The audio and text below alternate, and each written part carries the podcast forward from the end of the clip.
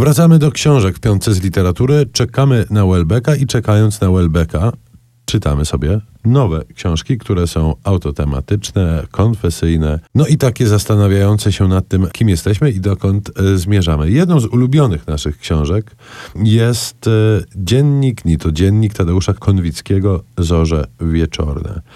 No, Konwicki to oczywiście nie są pozycje nowe, tylko klasyczne. Konwicki w ogóle miał słabość do tego rodzaju literatury. To się często określa mianem silvarerum, czy też literatura sylwiczna, czyli taki trochę miszmasz, składanka różnego rodzaju tekstów. Tam są fragmenty niedokończonych powieści, jakieś obserwacje takie bardziej typu dziennikowego, jakieś portrety bliskich postaci. W tym I, kota Iwana. Oczywiście i rzeczywiście taką pierwszą książką, która otworzyła tę drogę, tę ścieżkę mm, w literaturze Konwickiego jest oczywiście kalendarz Klepsydra, potem były właśnie Zorze Wieczorne, czy Wschody i Zachody Księżyca.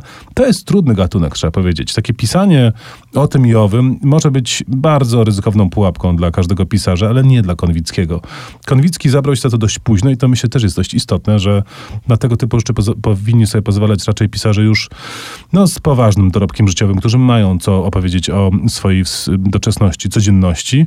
To są to są świetne teksty. Ja uwielbiam, muszę powiedzieć, i Zorze Wieczorne, i Wschody, i Zachody, i Kalendarz, i Klepsydra. Do tego można wracać wielokrotnie. Tam jest pełno anegdot, ale także takiej delikatnej, błyskotliwej obserwacji, której Konwicki rzeczywiście był mistrzem. To się w ogóle nie chce starzeć. To prawda. I urok Konwickiego polega trochę na tym, że on potrafi zrobić coś z niczego. To znaczy z drobnych, codziennych, takich mikroobserwacji wychodzi, by porozmawiać o rzeczach trochę istotniejszych, ale bez żadnego nadęcia i bez patosu, czego nie można powiedzieć o kolejnym naszym autorze, Hermann Hesse. To, e, no, samo imię, nazwisko brzmi dumnie. Hermann Hesse. Dumnie. To skłania do patosu. On rzeczywiście próbował się w swojej twórczości literackiej zmierzyć z absolutnie e, wszystkim i brał na warsztat rzeczy ważkie i ostateczne wręcz często.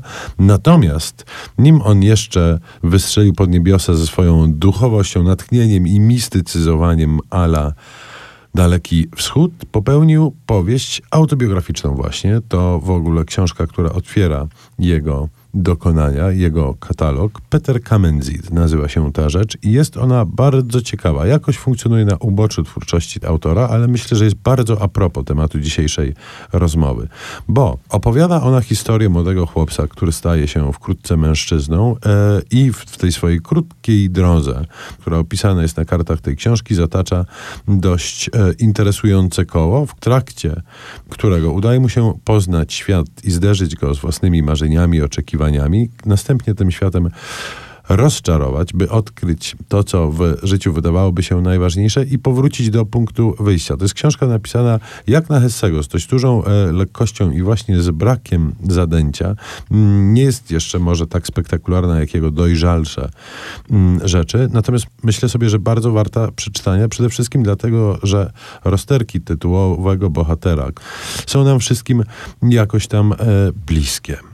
Innym pisarzem, który w absolutnie fascynujący sposób umie pisać o sobie jest Julio Cortázar. Konkretnie proponowałbym no, jego dwie najważniejsze y, y, książki tego typu, czyli Ostatnia Runda i w 80 światów dookoła dnia. Cortázar bowiem rzadko pisze o sobie tak zupełnie osobiście, czyli że ja robiłem, ja poszedłem, ja coś tam, coś tam. Bardziej pisze o tym, co czytał, co się działo wokół niego. Jest takim obserwatorem, y, także trzymającym się tego nurtu Silva Rerum właśnie.